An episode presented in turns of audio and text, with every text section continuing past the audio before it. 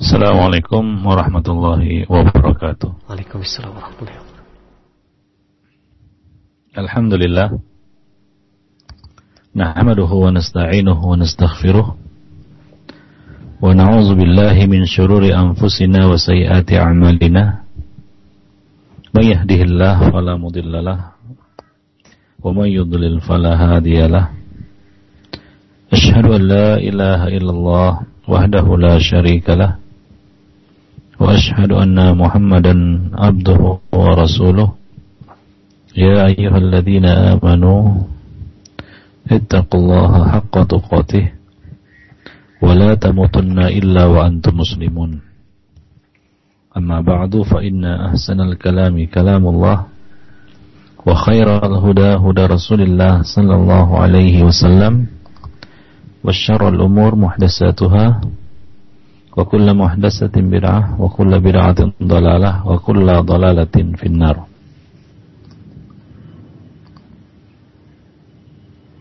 Masyarul muslimin, para pendengar yang berbahagia. Alhamdulillah pada pagi ini kita dapat bertemu bertemu kembali melalui saluran ini insyaallah sebagaimana biasa. Pada pagi ini kita akan meneruskan pembahasan kita tentang Al-Kabair yang mana pada pagi ini kita akan melanjutkan pada kabirah yang ke-46. Al-Kabiratu As-Sadisatu Wal Arba'un Dosa besar yang ke-46 yang akan kita bahas pada hari ini adalah Tasdiqul Kahin wal, wal Munajjim. Membenarkan Al-Kahin yaitu orang-orang yang melakukan praktek perdukunan dan al-munajjim yaitu orang-orang yang meramal, tukang ramal, ahli nujum.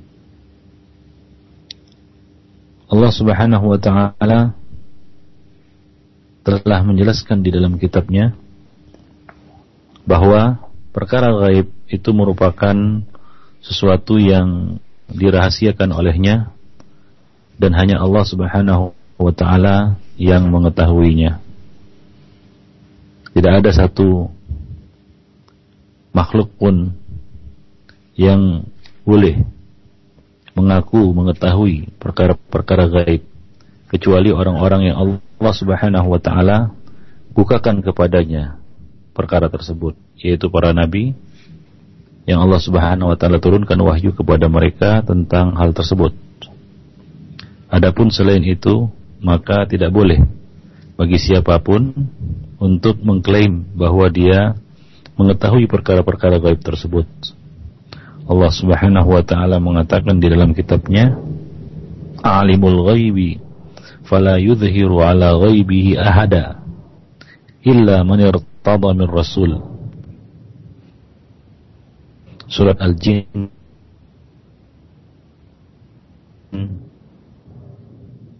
ayat 26 sampai 27 yang artinya dialah Allah Subhanahu wa taala yang mengetahui. Dialah Allah Subhanahu wa taala yang mengetahui perkara gaib. Maka dia tidak memperlihatkan kepada seorang pun tentang perkara gaib itu atau tentang perkara-perkara gaib itu kecuali kepada rasul yang diridainya. Kecuali kepada rasul yang diridainya Ibnu Jauzi mengatakan yang mengetahui perkara gaib hanyalah Allah Subhanahu wa taala saja. Tiada sekutu baginya dalam kerajaannya. Dia tidak memperlihatkan kepada seorang pun tentang perkara gaib itu dan tidak mengajarkannya kepada seorang manusia pun kecuali kepada rasul yang diridainya. Sebab tanda-tanda kebenaran seorang rasul adalah Salah satu tanda kebenaran seorang rasul adalah pemberitahuannya tentang perkara-perkara gaib. Artinya Allah Subhanahu wa taala akan memperlihatkan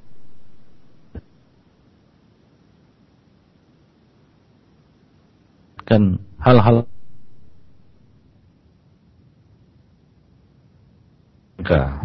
mengklaim bahwa bintang-bintang itu menunjukkan hal-hal yang gaib maka ia telah kufur kepada ajaran yang telah diturunkan kepada Muhammad sallallahu alaihi wasallam. Kalau kita lihat para dukun dan tukang ramal ini, mereka mengklaim bahwasanya mereka mengetahui perkara-perkara yang gaib. Mereka mengklaim mengetahui barang-barang yang hilang. Ya, mereka mengklaim mengetahui orang yang hilang misalnya. Atau meramal nasib. Ya, meramal nasib yang akan datang. Ya, sehingga banyak orang-orang yang datang kepada mereka untuk meramal nasib. Nah, ini termasuk perkara yang dilarang di dalam syariat. Rasulullah sallallahu alaihi wasallam mengatakan, "Man ata arrafan aw kahinan fasaddaqahu bima yaqul faqad kafara bima unzila ala Muhammad sallallahu alaihi wasallam." Barang siapa datang kepada tukang ramal atau dukun kemudian membenarkan apa-apa yang dikatakannya maka ia telah kufur terhadap apa yang diturunkan kepada Muhammad sallallahu alaihi wasallam. Hadis ini adalah hadis yang sahih. Diriwayatkan oleh Imam Ahmad dan Al-Hakim dan disahihkan oleh Al-Albani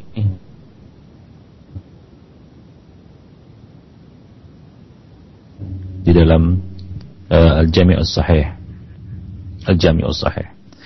Nah, di dalam hadis tersebut Rasulullah Wasallam menjelaskan siapa saja yang mendatangi, ya, yang mendatangi tukang ramal atau mendatangi dukun, kemudian dia benarkan apa-apa yang dikatakan oleh tukang ramal itu dan apa-apa yang dikatakan oleh dukun itu maka ia telah kufur, ia telah terlepas dari ajaran yang telah diturunkan oleh Allah Subhanahu wa taala kepada Muhammad sallallahu alaihi wasallam. Di dalam uh, Sahih Bukhari dan Muslim disebutkan uh, hadis ya dari Zaid bin Khalid Al-Jahani yang mengatakan Rasulullah sallallahu alaihi wasallam mengerjakan salat subuh berjamaah bersama-sama kami sedangkan langit masih menyisakan hujan yang turun semalaman. Setelah selesai, beliau menghadapkan wajah kepada hadirin, kepada jemaah seraya berkata, Hal tadruna madza qala rabbukum? Qalu Allah wa rasuluhu a'lam. Qal asbaha min ibadi mu'minun bi wa kafirun.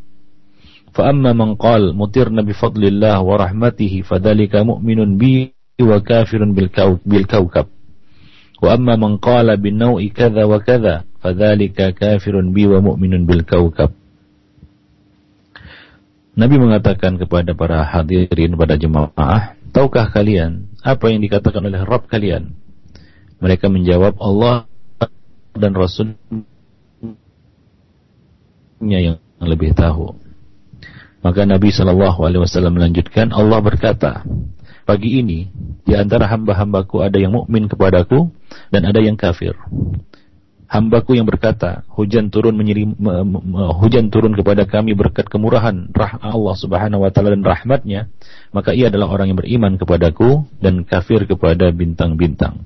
Sedangkan orang uh, orang yang berkata, hujan turun kepada kita karena pengaruh bintang ini dan bintang itu, karena bintang ini dan bintang itu, maka ia adalah orang yang kafir kepadaku dan beriman kepada bintang-bintang.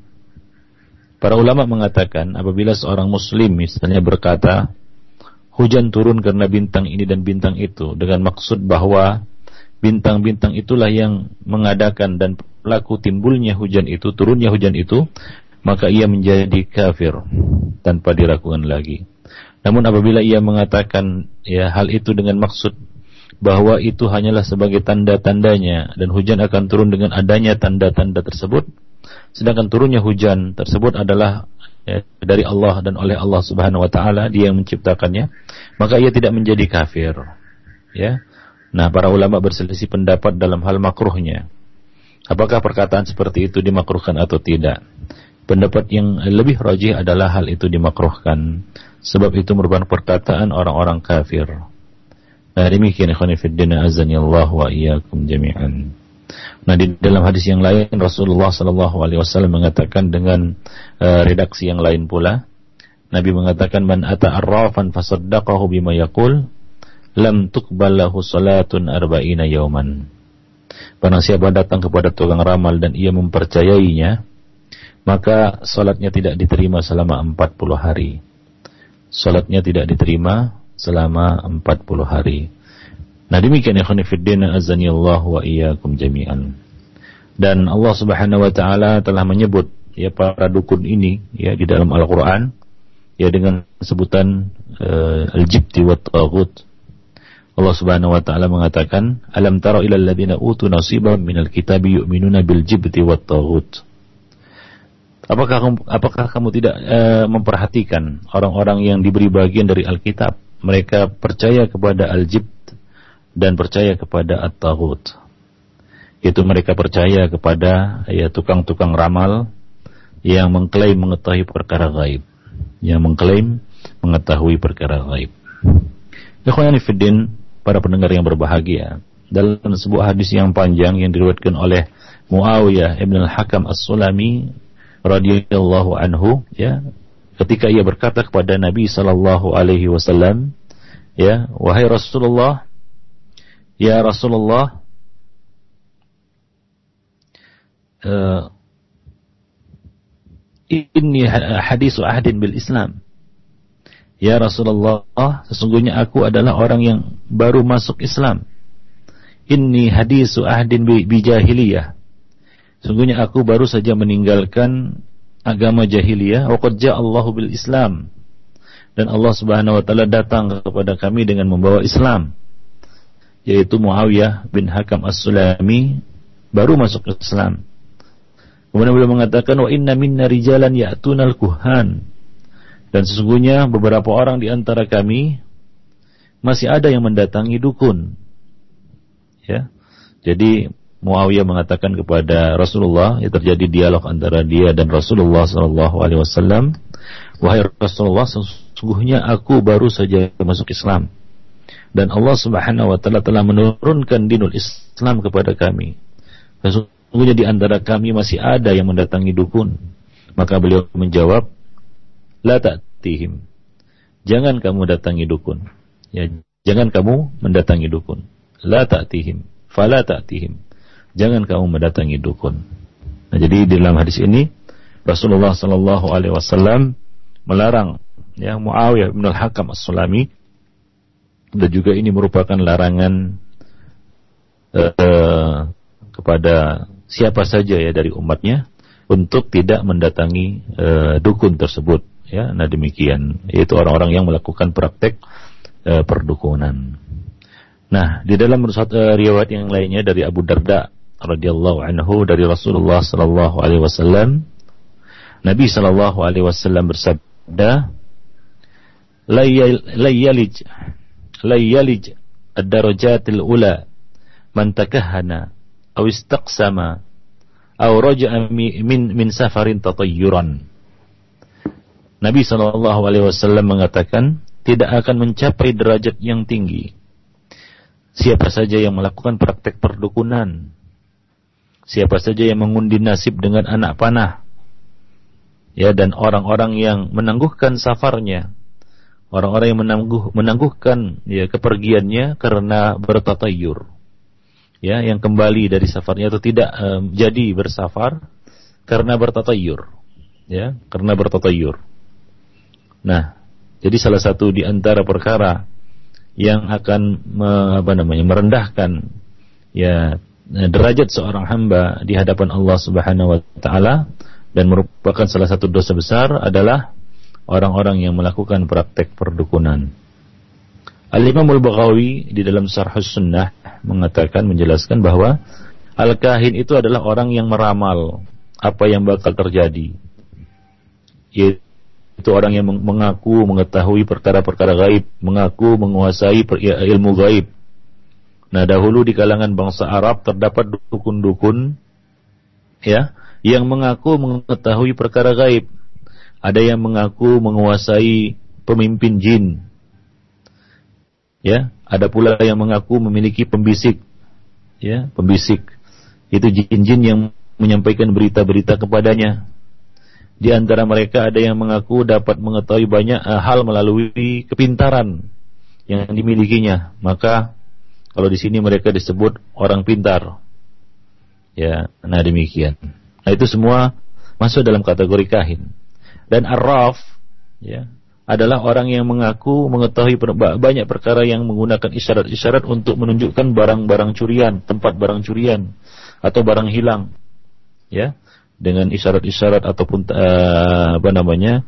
tanda-tanda ia mengklaim mengetahui di mana tempat barang curian atau tempat barang yang hilang, ya atau orang yang hilang misalnya. Misalnya ada wanita yang berzina, lalu orang-orang bertanya kepadanya, siapakah yang berzina dengannya? Lalu ia memberitahu mereka. Nah ini disebut juga arraf, ya, dan beberapa perkara sejenisnya. Nah di antara mereka ada yang menyebut ini adalah ahli nujum, ya, atau dukun. Yang menyebut ahli nujum itu dengan sebutan dukun. Nah demikian ya ya. Jadi ini termasuk perkara yang diharamkan adalah ya meramal ya baik itu dengan merempal apa namanya melempar kerikil ya, dengan menggunakan kerikil atau dengan eh, apa namanya ilmu astrologi ilmu nujum ilmu perbintangan ya bintang-bintang itu lalu meramal nasib-nasib manusia bagaimana hokinya bagaimana sialnya dan seterusnya.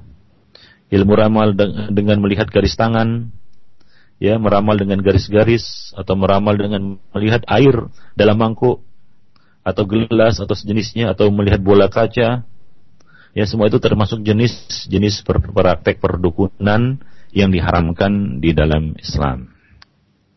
Nah, ancaman dan hukuman yang dijatuhkan itu berbeda-beda. Ya, di dalam hadis yang kita bacakan tadi ada dua hadis dengan redaksi yang berbeda. Ya, ya ada yang tidak diterima sholatnya dan ada yang dihukumi kafir. Ya, orang-orang yang mendatangi dukun ini ya ada diberi ancaman dan hukuman yang berbeda-beda. Ada yang tidak diterima sholatnya dan ada yang dihukumi kafir atau keluar dari terlepas dari dinul Islam. Nah semua itu menurut ya, kita katakan perincian berikut ini. Jika ia mendatangi dukun tanpa membenarkan ucapannya, maka hukumannya adalah tidak diterima sholatnya selama 40 malam. Yaitu orang yang mendatangi dukun, tapi dia nggak percaya, dia tidak membenarkan apa yang dikatakan oleh dukun itu. Ya. Nah ini hukumannya adalah ia tidak uh, diterima sholatnya selama 40 hari.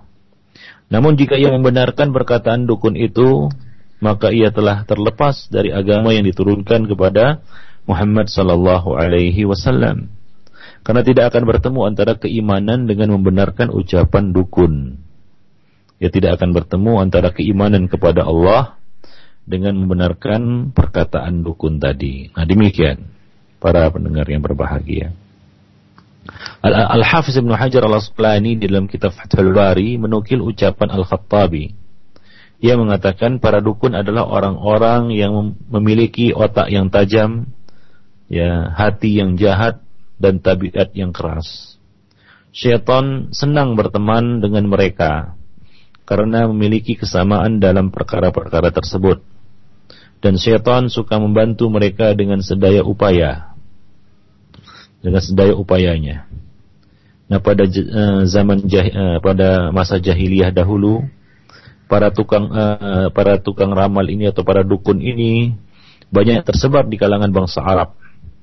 Terlebih lagi karena terputusnya ajaran Nabi di tengah mereka. Ya masa-masa jahiliyah ya masa-masa masa-masa fatrah terputusnya ya apa namanya e, pengiriman Nabi kepada mereka, terputusnya ajaran Nabi di tengah mereka.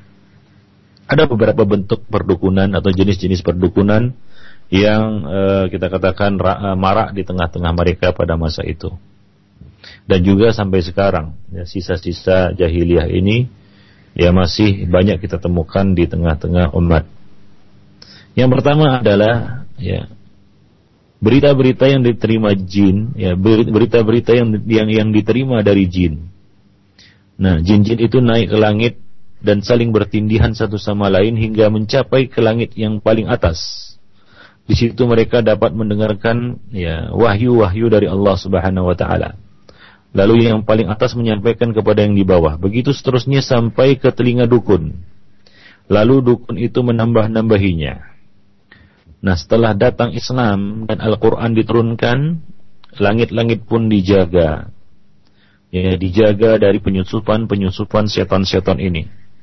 Maka disiagakanlah panah-panah yaitu bola-bola api untuk menjaganya. Lalu berita-berita langit yang mereka curi itu baru bisa disampaikan oleh setan yang di atas kepada setan yang di bawah selama mereka tidak terkena panah api tersebut. Nah, itulah yang disyaratkan dalam firman Allah Subhanahu wa taala, "Illa man khatifal khatfata fa atba'ahu shihabun thaqib." Surat Safat ayat 10.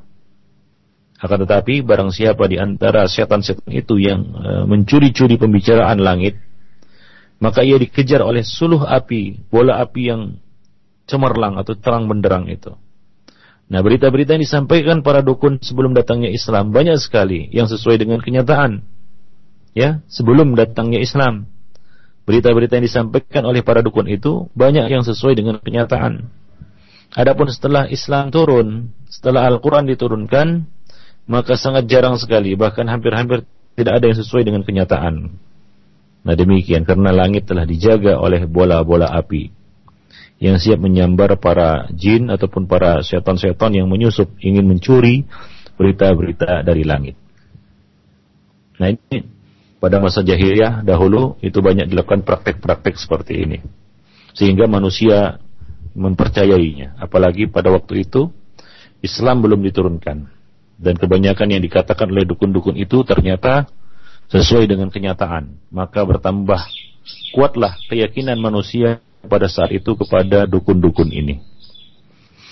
Yang kedua, berita-berita gaib yang disampaikan jin kepada orang yang loyal dan tunduk kepadanya, yaitu berita-berita yang biasanya tidak diketahui oleh manusia, atau berita-berita yang hanya bisa diketahui setelah disaksikan dari dekat.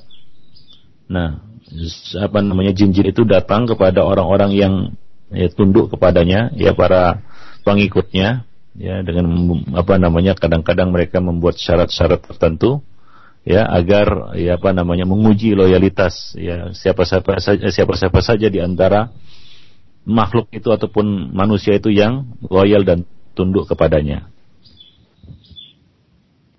Itu yang kedua. Yang ketiga, berita yang disampaikan berdasarkan perakiraan atau dugaan dan persangkaan. Ya, memang Allah Subhanahu wa taala mengaruniai sebagian orang ya kemampuan dalam hal ini. Namun kebanyakan dugaan tersebut adalah bohong belaka, yaitu dengan apa namanya dengan uh, kekuatan pikirannya dia apa namanya uh, berusaha untuk meramal sesuatu ya. Nah, ada sebagian orang yang diberi ke, apa namanya ke, kemampuan seperti ini. Namun kebanyakan ya dugaan-dugaan tersebut hanyalah bohong. Jadi kita tidak boleh yang mempercayai dugaan-dugaan tersebut. Demikian. Kemudian keempat berita-berita yang disampaikan merupakan hasil dari percobaan dan kebiasaan. Biasanya berita itu berdasarkan pengalaman yang sudah terjadi sebelumnya. Ya, nah bentuk seperti ini hampir sama seperti sihir. Ya, sebahagian orang menggunakan ilmu-ilmu ilmu-ilmu ramal ya seperti misalnya az-zajar. Ya, zajar itu adalah uh, ini disebut juga iyafah yaitu meramal alamat baik atau nasib dengan uh, meramal nasib ataupun ya meramal uh, masa depan dengan menerbangkan burung. Apabila burung tersebut terbang ke arah kanan, ini berarti alamat baik dan apabila terbang ke kiri berarti alamat buruk. Nah ini disebut zajr, zajr toir. Nah ini termasuk juga ya kita katakan ya salah satu bentuk praktek perdukunan. Ya, nah demikian. Mungkin ibu bisa jadi ya eh, pengalaman menunjukkan kalau terbang ke kanan dia akan mendapatkan kebaikan, kalau terbang ke kiri mendapatkan keburukan. Namun kita tidak boleh mempercayai hal-hal seperti ini. Nah, kemudian juga torok.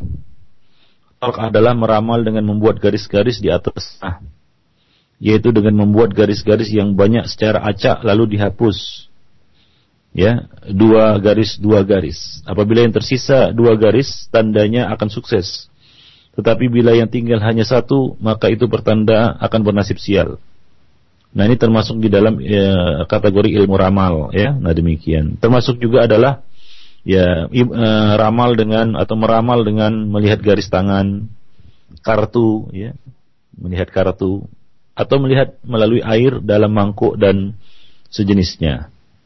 Ya, termasuk juga sekarang ini Ikhwanifiddin para pendengar yang berbahagia, sebagian orang bahkan percaya dengan binatang. Misalnya dengan gurita misalnya, dia mempercayai ya apa namanya uh, masa depan atau apa yang akan terjadi.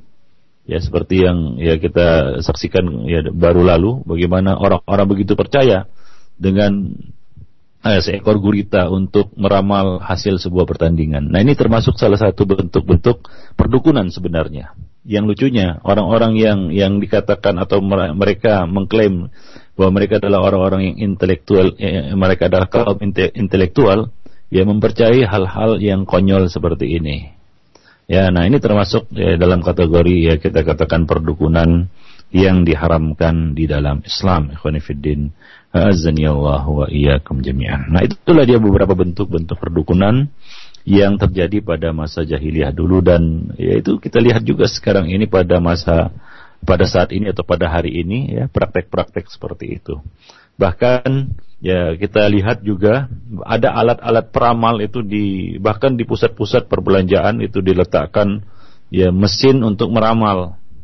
Nah, ada sebagian orang yang apa namanya uh, ya kita katakan ya, mencoba-coba lalu apa namanya melakukan uh, kita katakan ramalan tersebut mempercayai ramalan tersebut nah ini termasuk hal yang dilarang di dalam Islam. Ya dan demikian juga meramal nasib dengan melihat garis-garis tangan. Ya meramal nas, apa namanya melihat garis tangan untuk melihat jodoh. Ya kemudian apa namanya mencari jodoh dengan melihat ya percaya kepada apa namanya ilmu astrologi. Ya, kalau bintangnya ini nggak cocok dengan ini, akhirnya ya walaupun itu adalah seorang wanita yang soleha dia tolak. Karena menurut ilmu astrologi ini akan akan apa namanya akan akan buruk nasib perkawinannya dan jenisnya. Nah ini termasuk perkara jahiliyah dan itu termasuk ya salah satu bentuk praktek perdukunan ya praktek perdukunan yang dilarang di dalam Islam. Nah demikian ya. Nah, termasuk juga bertanya kepada dukun atau orang pintar lah ya, atau ya sesepuh ya tentang hari baik, bulan baik ya, atau tahun baik untuk menentukan hari pernikahan. Nah, ini termasuk praktek perdukunan ya yang yang dilarang di dalam Islam. Ya, Islam tidak membenarkan cara-cara seperti ini. Ya, demikian ya. Nah, tidak ada ya kita katakan hari yang buruk ya di dalam Islam. Nah demikian ya. Karena itu ah, kita dilarang untuk mencela masa. La tasubud dahar fa innallahu wad-dahar. Ya janganlah kamu mencela dan mencaci masa. Karena Allah Subhanahu wa taala Allah Subhanahu wa taala lah yang memperjalankan masa itu. Jadi kita tidak boleh apa mempercayai ah, hal-hal semacam ini. Nah, ini bulan buruk. Nabi sallallahu alaihi wasallam mengatakan la safar. Tidak ada safar, yaitu tidak ada keyakinan sial tentang bulan bulan Safar. Nah, sebagian orang pada masa jahiliyah dulu berkeyakinan bahwa bulan Safar itu adalah bulan sial. Nah, kalau sudah datang bulan Safar maka tidak ada yang melangsungkan pernikahan, tidak ada yang melangsungkan perjalanan, mengadakan perjalanan ataupun mengadakan hajatan dan sejenisnya. Nah, sebagian orang datang kepada tukang uh, ramal ataupun kepada dukun lalu bertanya kepada mereka tentang hari baik bulan baiknya. Nah ini termasuk hal-hal yang dilarang ya. Ini termasuk eh, praktek per perdukunan. Dan Rasulullah Shallallahu Alaihi Wasallam telah menjelaskan tentang sebab berita-berita yang disampaikan oleh para dukun itu ada kalanya benar. Ya, tujuannya adalah agar orang uh, apa namanya uh, tidak orang tidak tertipu dengan mereka. Nabi Sallallahu Alaihi Wasallam menjelaskannya supaya orang-orang tidak tertipu dengan para dukun itu ya Rasulullah sallallahu alaihi wasallam dalam satu riwayat dari Aisyah radhiyallahu anha dia berkata ya Sa'ala Rasulullah sallallahu alaihi wasallam nasun anil kuhan. Orang bertanya kepada Rasulullah sallallahu alaihi wasallam ya tentang al-kuhan. Itu tentang berita-berita yang disampaikan disampaikan oleh para dukun. Maka beliau menjawab laisa bisyai'in berita-berita itu bohong belaka. Faqalu, maka mereka bertanya, "Ya Rasulullah, innahum yuhaddisuna ahyanan bi syai'in fayakunu haqqan Mereka berkata, "Wahai Rasulullah, sesungguhnya berita-berita yang mereka sampaikan itu terkadang sesuai dengan kenyataan." Maka Rasulullah sallallahu alaihi wasallam menjawab, ya, Faqala Rasulullah sallallahu alaihi wasallam, "Tilkal kalimah minal haqqi yakhtafuha minal jinni, fayukirruha fi udhuni waliyihi, fayakhlituna ma'aha mi'ata kadzabah." Rasulullah mengatakan itu kebenaran yang dicuri oleh jin. Lalu dibisikkannya, ya, dibisikkannya itu disampaikan dan dibisikkan kepada pengikut-pengikutnya. Ya.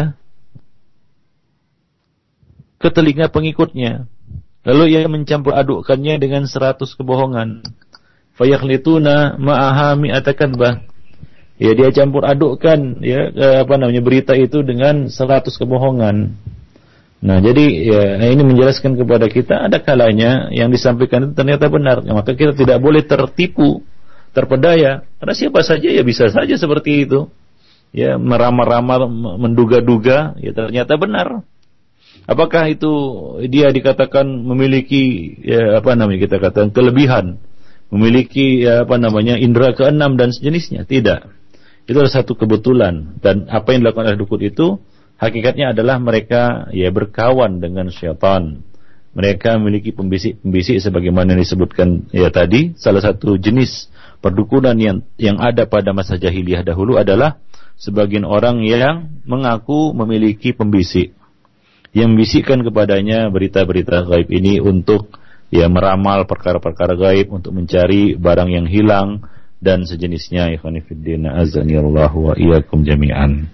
Jadi intinya ikhwanifiddin ya kita tidak boleh uh, apa namanya mempercayai ya tukang dukun apa para dukun ini dan tukang ramal ini. Ataupun siapa saja. Walaupun ya kita katakan yang meramal itu adalah mesin misalnya mesin peramal. Ya sebagaimana yang kita dapati ya di beberapa tempat itu ada mesin peramal. Nah itu juga tidak boleh. Walaupun itu apa namanya uh, sebuah mesin ya. Nah, ataupun uh, benda-benda ya uh, benda-benda ya, ya yang apa namanya yang digunakan untuk meramal. Yang mana tidak ada tukang uh, tukang ramalnya tidak ada dukun ya kita sendiri yang memainkan benda itu. Nah ini tidak boleh ya. Itu lebih parah lagi kita telah ya secara langsung melakukan praktek perdukunan tersebut. Nah demikian ya ya. Jadi kita tidak boleh mendatangi uh, para uh, tukang dukun dan para ramal ini karena ancamannya adalah Allah Subhanahu wa taala tidak akan menerima salat kita selama 40 hari ya yaitu tidak berpahala, tidak ada nilainya di sisi Allah Subhanahu wa taala walaupun kewajiban salat itu telah gugur ya dan yang kedua apabila kita mempercayai membenarkan apa yang dikatakan dukun tersebut berarti kita telah kufur ya telah terlepas dari ajaran yang diturunkan kepada Nabi Muhammad sallallahu alaihi wasallam. Nah demikianlah ya ikhwan fillah azani Allah wa iyyakum jami'an. Ya dan juga ya mempelajari ilmu perdukunan juga dilarang. Ya mempelajari ilmu perdukunan juga dilarang.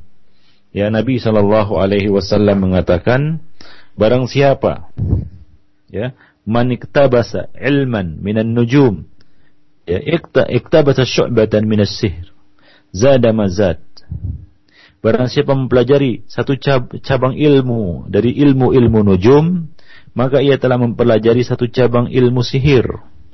Dan itu bertambah dengan bertambahnya apa yang dipelajarinya. Semakin banyak yang dipelajarinya, maka uh, semakin apa namanya semakin banyak pula ilmu perdukunan atau ilmu sihir yang dimilikinya. Nah demikian ya khonifuddin rahimani wa rahimakumullah jami'an.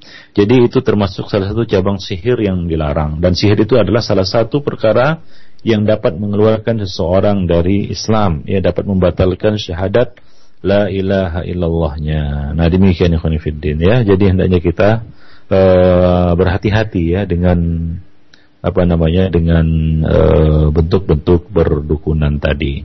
Karena Allah Subhanahu wa taala telah mengatakan seperti yang kita uh, sebutkan di dalam uh, apa namanya ayat yang kita bacakan tadi yang dari dalam surat An-Nisa ayat 51, "Alam tara ilal ladzina utu nasiban minal kitabi yu'minuna bil jibti wat taghut." Tidakkah kamu lihat memperhatikan orang-orang yang diberi bagian dari Alkitab mereka justru percaya kepada Al-Jibti dan At-Taghut. Dalam riwayat dari uh, Qabisah bin, Ab, bin Abil Mukhariq ia mengatakan sami itu Rasulullah sallallahu alaihi wasallam yaqul al-iyafatu wat-tiratu wat-turq wat-tarqu minal jibti ya al-iyafah ya iyafah di sini adalah meramal nasib dengan membuat-buat garis-garis di tanah.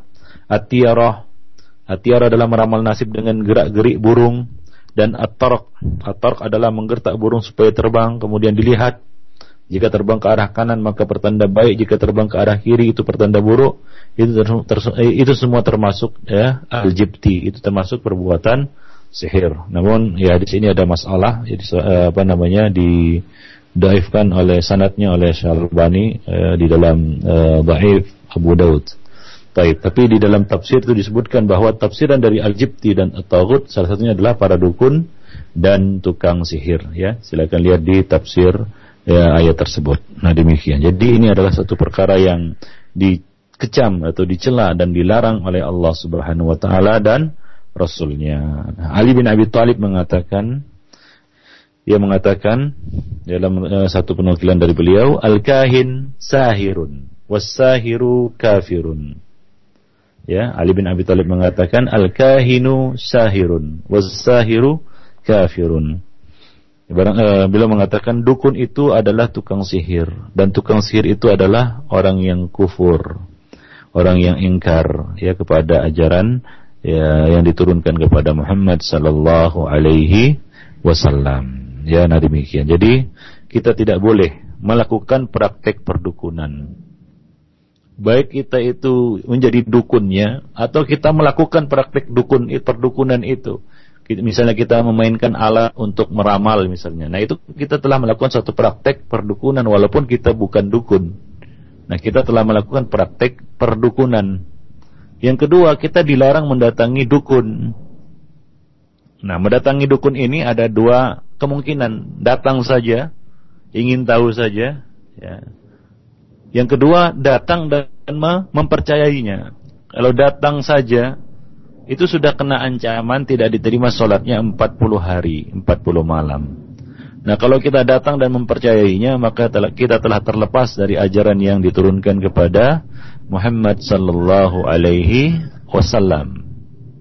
Nah, sama saja mendatangi dan didatangi, mengundang, mengundang dukun datang ke rumah kita.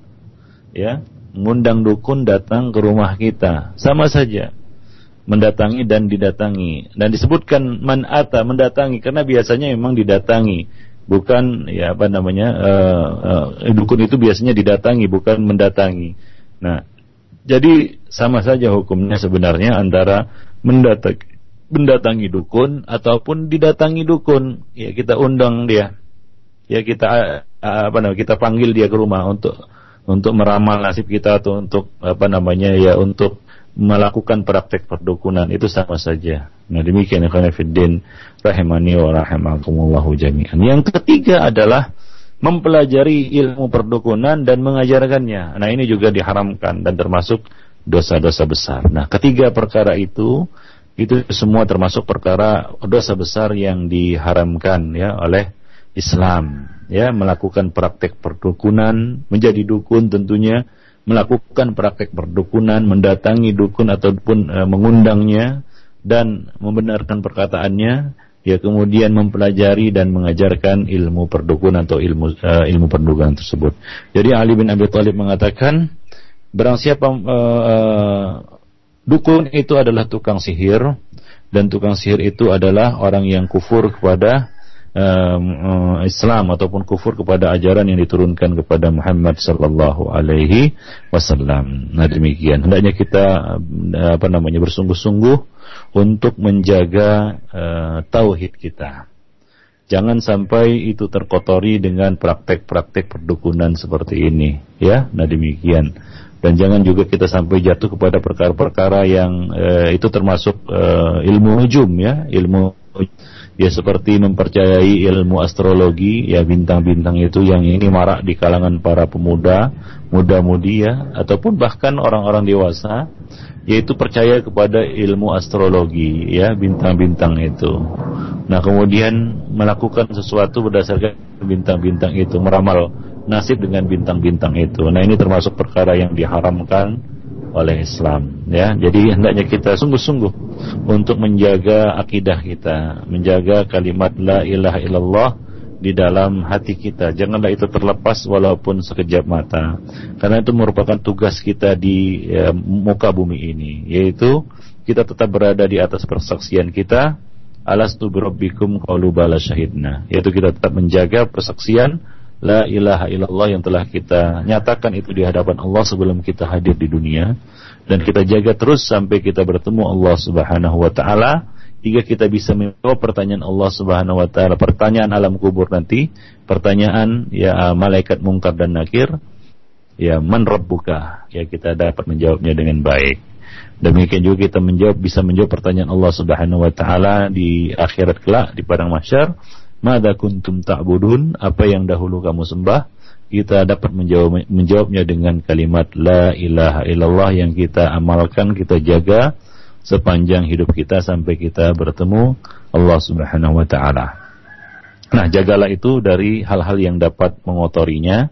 Di antaranya adalah ya ilmu uh, perdukunan ini dan ya apa namanya pe, ilmu ramal ataupun ilmu nujum yang bisa mem, apa namanya merusak ya uh, kalimat tauhid yang ada di dalam hati kita. Nah, sebagaimana kita katakan jadi tidak akan bertemu antara dua hal, yaitu antara uh, kita katakan uh, keimanan kepada Allah Subhanahu wa taala dan antara uh, membenarkan ucapan dukun. Tidak akan bertemu antara keimanan kepada Allah Subhanahu wa taala dengan memper, mempercayai atau memper, ataupun memper, mem, membenarkan ya perkataan para dukun dan tukang ramal.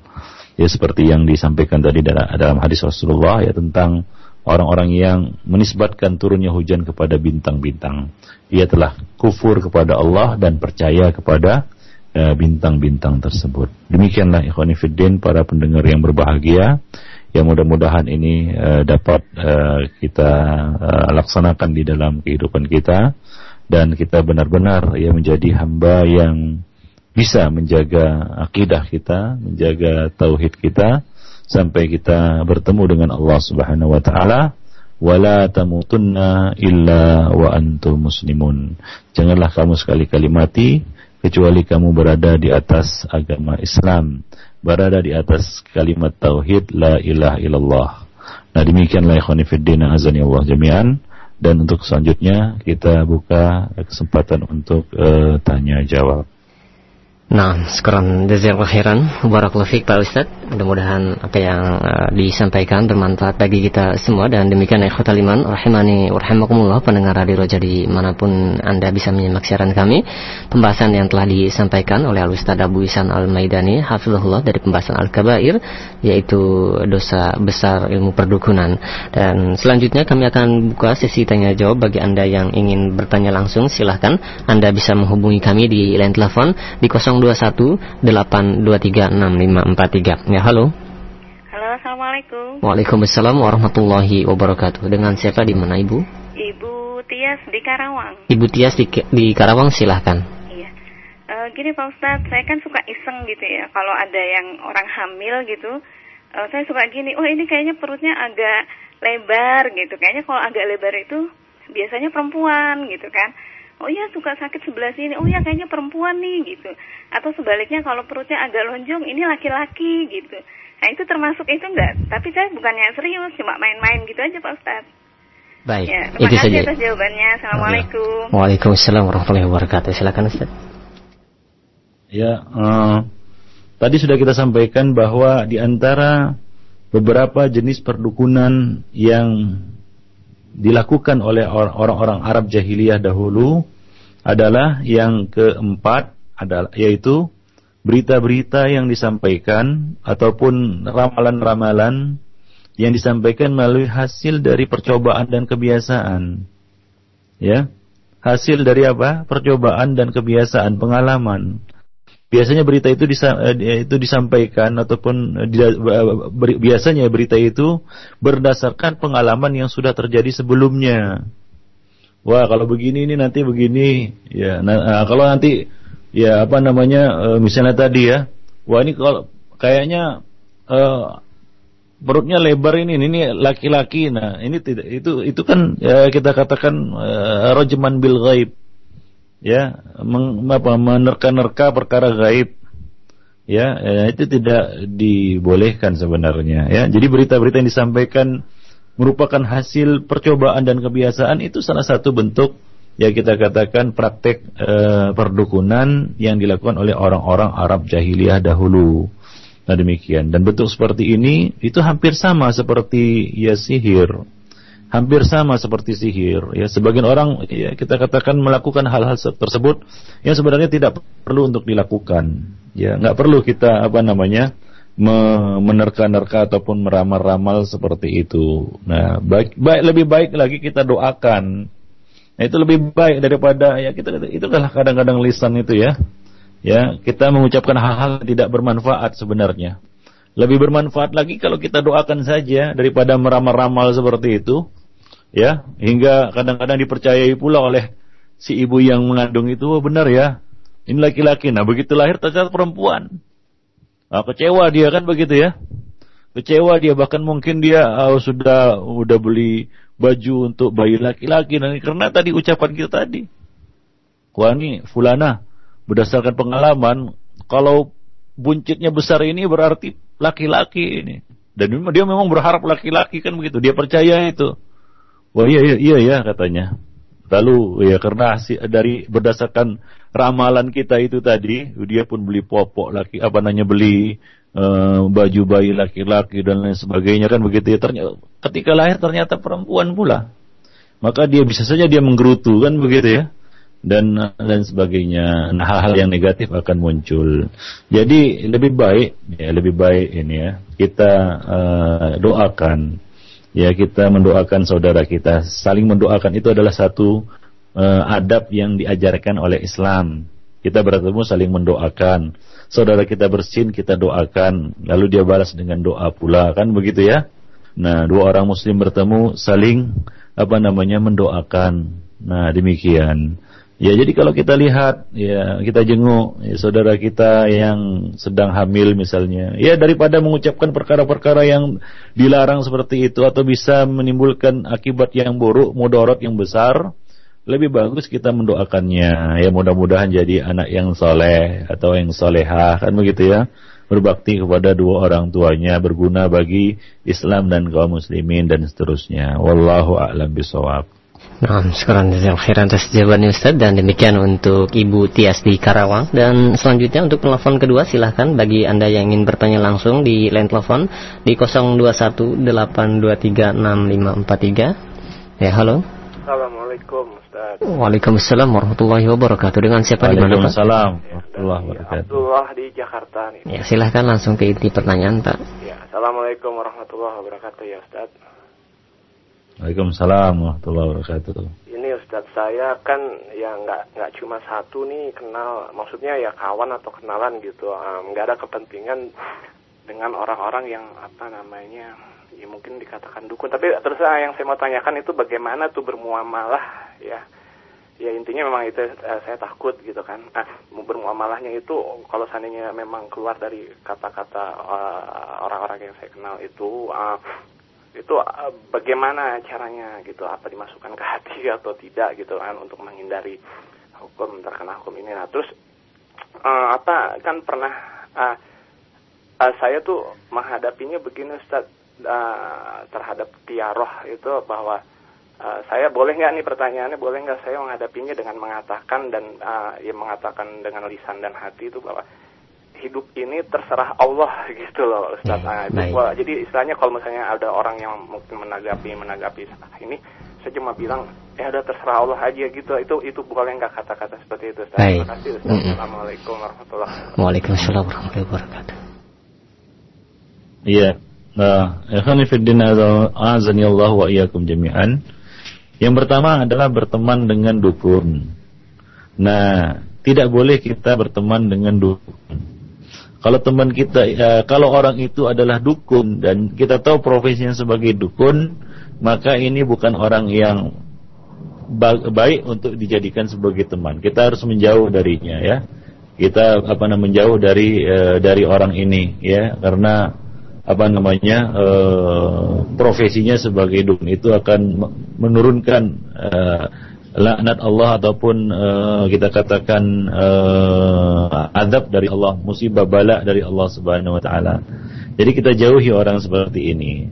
Nah, tapi kalau dia bukan mereka teman-teman kita itu bukan dukun, tapi suka misalnya cerita-cerita tentang ya ramalan-ramalan kan begitu ya, tentang bintang-bintang. Wah, bintang kamu apa?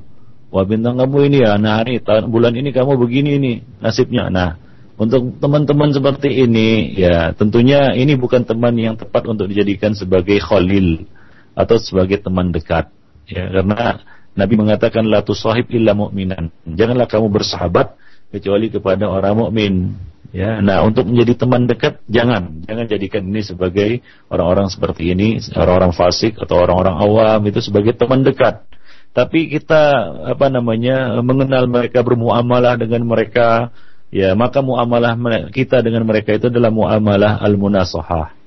Ya, at-tawasi bil haqqi, tawasi bis sabri, tawasi bil marhamah kewajiban kita adalah menasihati mereka, nasihati mereka, ya tegur mereka, amar ma'ruf nahi mungkar kita, ya. Nah demikian ikhwan fillah ya. Nabi Allah Subhanahu wa taala mengatakan khudil afwa wa'mur bil urf wa a'rid anil jahilin. Ya, berilah maaf. Ya, kemudian suruhlah orang kepada yang ma'ruf, kemudian palinglah dari orang-orang yang jahil. Nah, demikian. Jadi kita beri nasihat kepada mereka. Ya, kita beri, beri nasihat kepada mereka, fulan itu tidak benar perkataan seperti itu. Kita tidak boleh percaya kepada ya bintang-bintang seperti itu ya.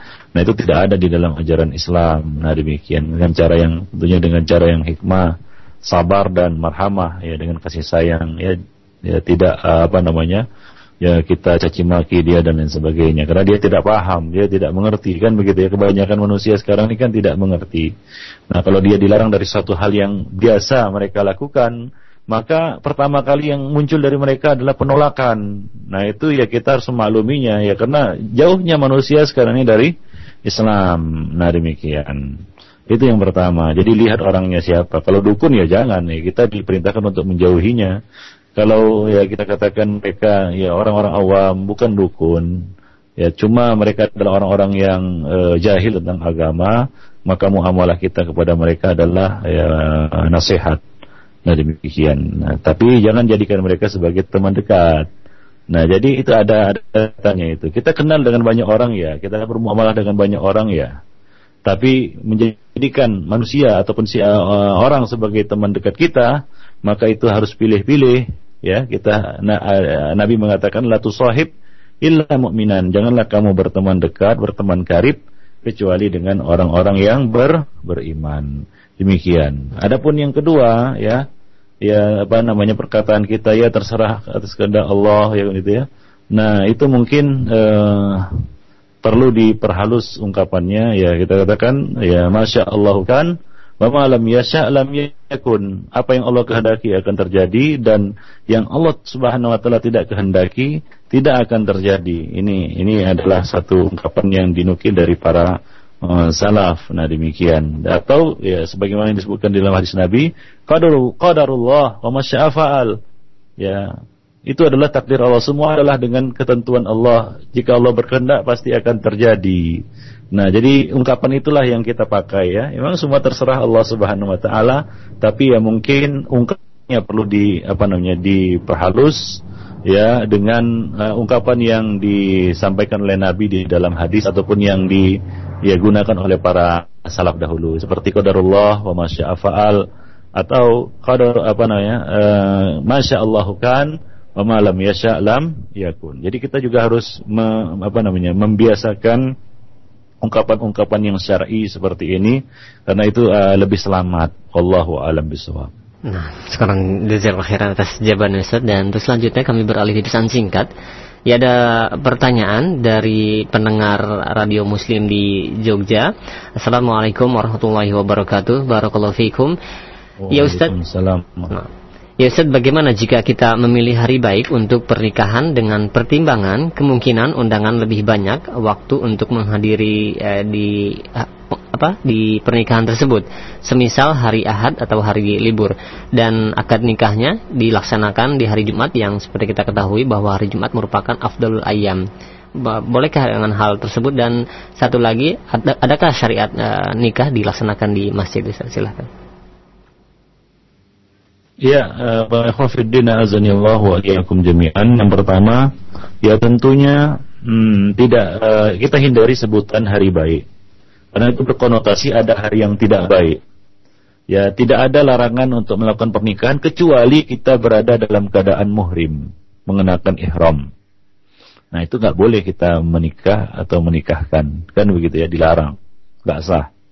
Selain itu, itu silahkan, nggak ada larangan. Bahkan hari raya kita kawin juga nggak mengapa. Ya, akad nikah hari raya gitu tidak mengapa. Ramadan, satu Ramadan atau akhir Ramadan, pertengahan Ramadan, Mau nikahnya nggak ada larangan. Selama kita ya satu tadi ya, tidak dalam keadaan muhrim. Nah demikian. Bulan apa pun silakan. Ya tidak ada larangan ya, di dalam Islam. Dan tidak ada juga ketentuan hari yang uh, afdal di dalam melakukan pernikahan. Ya tujuh hari itu semuanya bagus. Mau hari Jumat, mau hari Senin, mau hari Ahad, Ya, tapi kalau kebetulan tidak ada keyakinan yang melatar belakanginya, ya, tidak ada keyakinan apa-apa yang melatar belakang karena kebetulan saja hari libur ini lah pilih hari ini. Nah itu tidak mengapa, ya. Wah kalau misalnya hari liburnya hari Jumat ya pilih hari Jumat ya tidak mengapa. Hari Sabtu karena orang-orang pada libur ya itu tidak mengapa asal tidak dilatar belakangi dengan suatu keyakinan-keyakinan yang jahiliyah tadi. Nah demikian. Jadi hindari sebut apa namanya istilah hari baik. Oh, ini hari baik ini.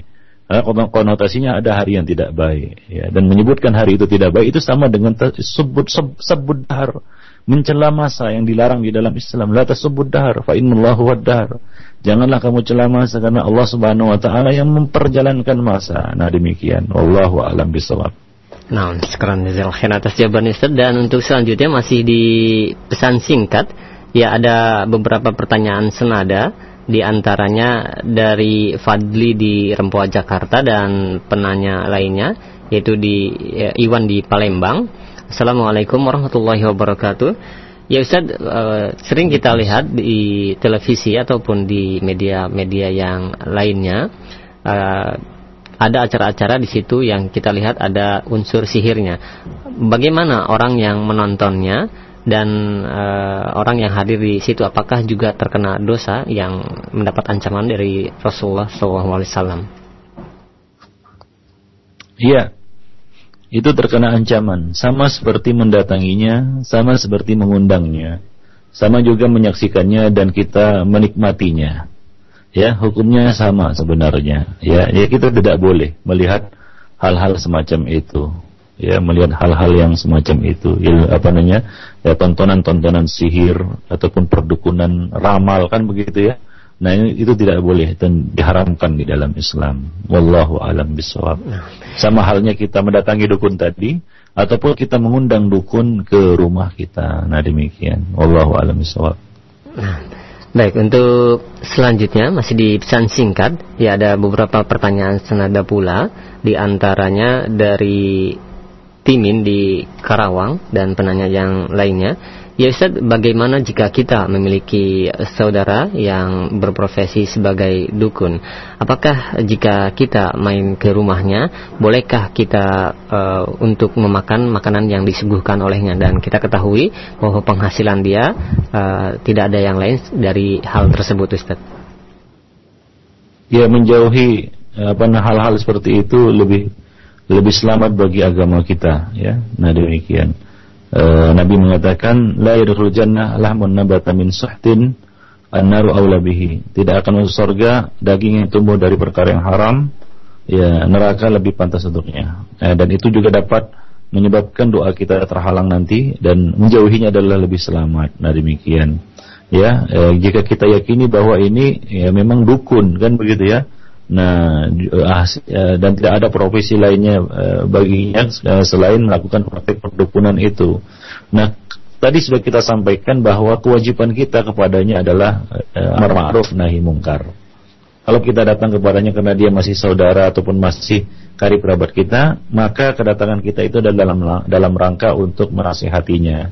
Ya untuk beramar ma'ruf nahi mungkar kepadanya. Ya tentunya dengan cara yang baik ya. Nah demikian. Kita jelaskan kepadanya. Mudah-mudahan dia mendengar nasihat kita. Nah demikian. Dan berhenti dari praktek perdukunannya. Nah menyambung tali silaturahim tetap dilakukan. Namun dengan apa? Dengan e, cara yang apa namanya yang e, selamat bagi agama kita dan bagus apa namanya e, bermanfaat juga bagi agamanya ya bagi dia yaitu dengan memberikan nasihat ya nasihat yang baik kepadanya nasihat yang hak nasihat yang sabar nasihat yang penuh kasih sayang kepadanya agar dia berhenti dari uh, praktek perdukunannya tapi kalau kita datang ya justru untuk uh, apa namanya untuk uh, ber apa namanya uh, bercengkrama, bercanda, kemudian kita ya larut dengan dalam pembicaraannya. Nah, ini boleh jadi lama-lama kita yang ya apa namanya simpati itu muncul itu simpati kepadanya, ya suka kepadanya. Akhirnya kita ya tidak berani untuk melarang ataupun menyalahkan perbuatannya Nah ujung-ujungnya ini bisa saja kita justru nanti ikut-ikutan melakukan ataupun mempercayai praktik perdukunannya. Wal billah. Jadi kita tutup pintu itu ya. Nah demikian. Nah jadi kalau bukan untuk Puan, uh, ada gangguan sedikit. Warekhwani fiddin azani Allah wa yang demian. Uh, tadi sudah dijelaskan bahwa uh, uh, pertanyaan tentang apabila kita memiliki karib kerabat yang dia adalah notabene-nya adalah seorang dukun. Maka di sini ya kita tetap ya menyambung tali silaturahim dengannya. Ini berdasarkan hadis Asma binti uh, uh, uh, salah seorang sahabiah ya yang ibunya itu masih musyrik tapi Nabi Shallallahu Alaihi Wasallam tetap menyuruhnya untuk uh, menyambung tali silaturahim dengannya. Nah itu musyrik Nah di sini ya, ya apa namanya tentunya uh, ya tingkatannya ya di bawah itu ya. Jadi kita tetap uh, menyambung tali silaturahim dengannya. Tentu, tapi bagaimana bentuk uh, menyambung tali silaturahim dengannya? Yaitu dalam bentuk uh, munasahah ataupun amar ma'ruf nahi mungkar. Ya kita datangi dia dalam rangka untuk memberikan nasihat ya kepada uh, saudara kita itu ataupun kepada karib kerabat atau famili kita itu ya e, memberikan e, nasihat itu ber, bermacam-macam e, apa namanya sarananya ya bisa kita berikan buku kan begitu ya ataupun CD-CD tentang ya haramnya praktek perdukunan dan demikian. Walaupun ya dia apa namanya ya ya tentunya tidak menyukainya kan begitu ya. Tapi itu harus kita sampaikan kepadanya karena itu merupakan uh, kewajiban kita. Ad-dinu an-nasihah. Apalagi dia bukan hanya sekedar ya kita katakan uh, apa namanya orang muslim saudara kita sama muslim ya dia bahkan adalah karib kerabat kita. Maka kita harus menyampaikan nasihat yang baik kepadanya wallahu alam bisawab Nah, sekarang jazakallahu khairan. Dan mungkin tadi merupakan pertanyaan terakhir Ustaz di kesempatan pagi hari ini. Dikarenakan waktu yang sudah tidak mencukupi. Dan mungkin ada satu kesimpulan yang dapat ya. disampaikan Ustaz. Silakan. Ya ikhwan fiddin para pendengar yang bahagia Alhamdulillah eh, pada pagi ini kita telah membahas eh, dosa besar yang ke-46 yaitu eh, praktek perdukunan jadi kita di, dilarang ya oleh Allah dan Rasulnya untuk melakukan praktek perdukunan ya kemudian ya kita juga dilarang untuk mendatangi dukun ya dan tukang ramal ya, baik itu uh, kita yang mendatanginya langsung atau dukun itu yang kita undang datang ke rumah kita. Kemudian kita juga diharamkan dan dilarang untuk mempelajari ilmu melakukan praktek perdukunan langsung maupun tidak langsung. Ya, sebagai dukun langsung ataupun kita melakukannya. Ya, dengan alat-alat seperti dengan kartu dan sejenisnya. Kemudian yang berikutnya kita juga diharamkan untuk mempelajari ilmu perdukunan, ilmu ramal, ilmu nujum dan sejenisnya karena itu termasuk sihir, ilmu sihir. Nah, kemudian kita juga dilarang untuk mengajarkannya kepada orang lain. Nah, demikian kharifdina azani Allah wa iyyakum jami'an. Uh, apa namanya uh, pelajaran kita pada hari ini yang mudah-mudahan Allah Subhanahu wa taala menyelamatkan kita dari uh, kita katakan keburukan-keburukan dunia dan akhirat dan menjadikan kita orang-orang yang uh, mau mendengarkan nasihat dan melaksanakan yang terbaik darinya. Dan demikian saja yang mudah-mudahan bermanfaat bagi saya dan bagi para pendengar yang berbahagia. أقول قولي هذا أستغفر الله لي ولكم لسائر المسلمين إنه هو الغفور الرحيم.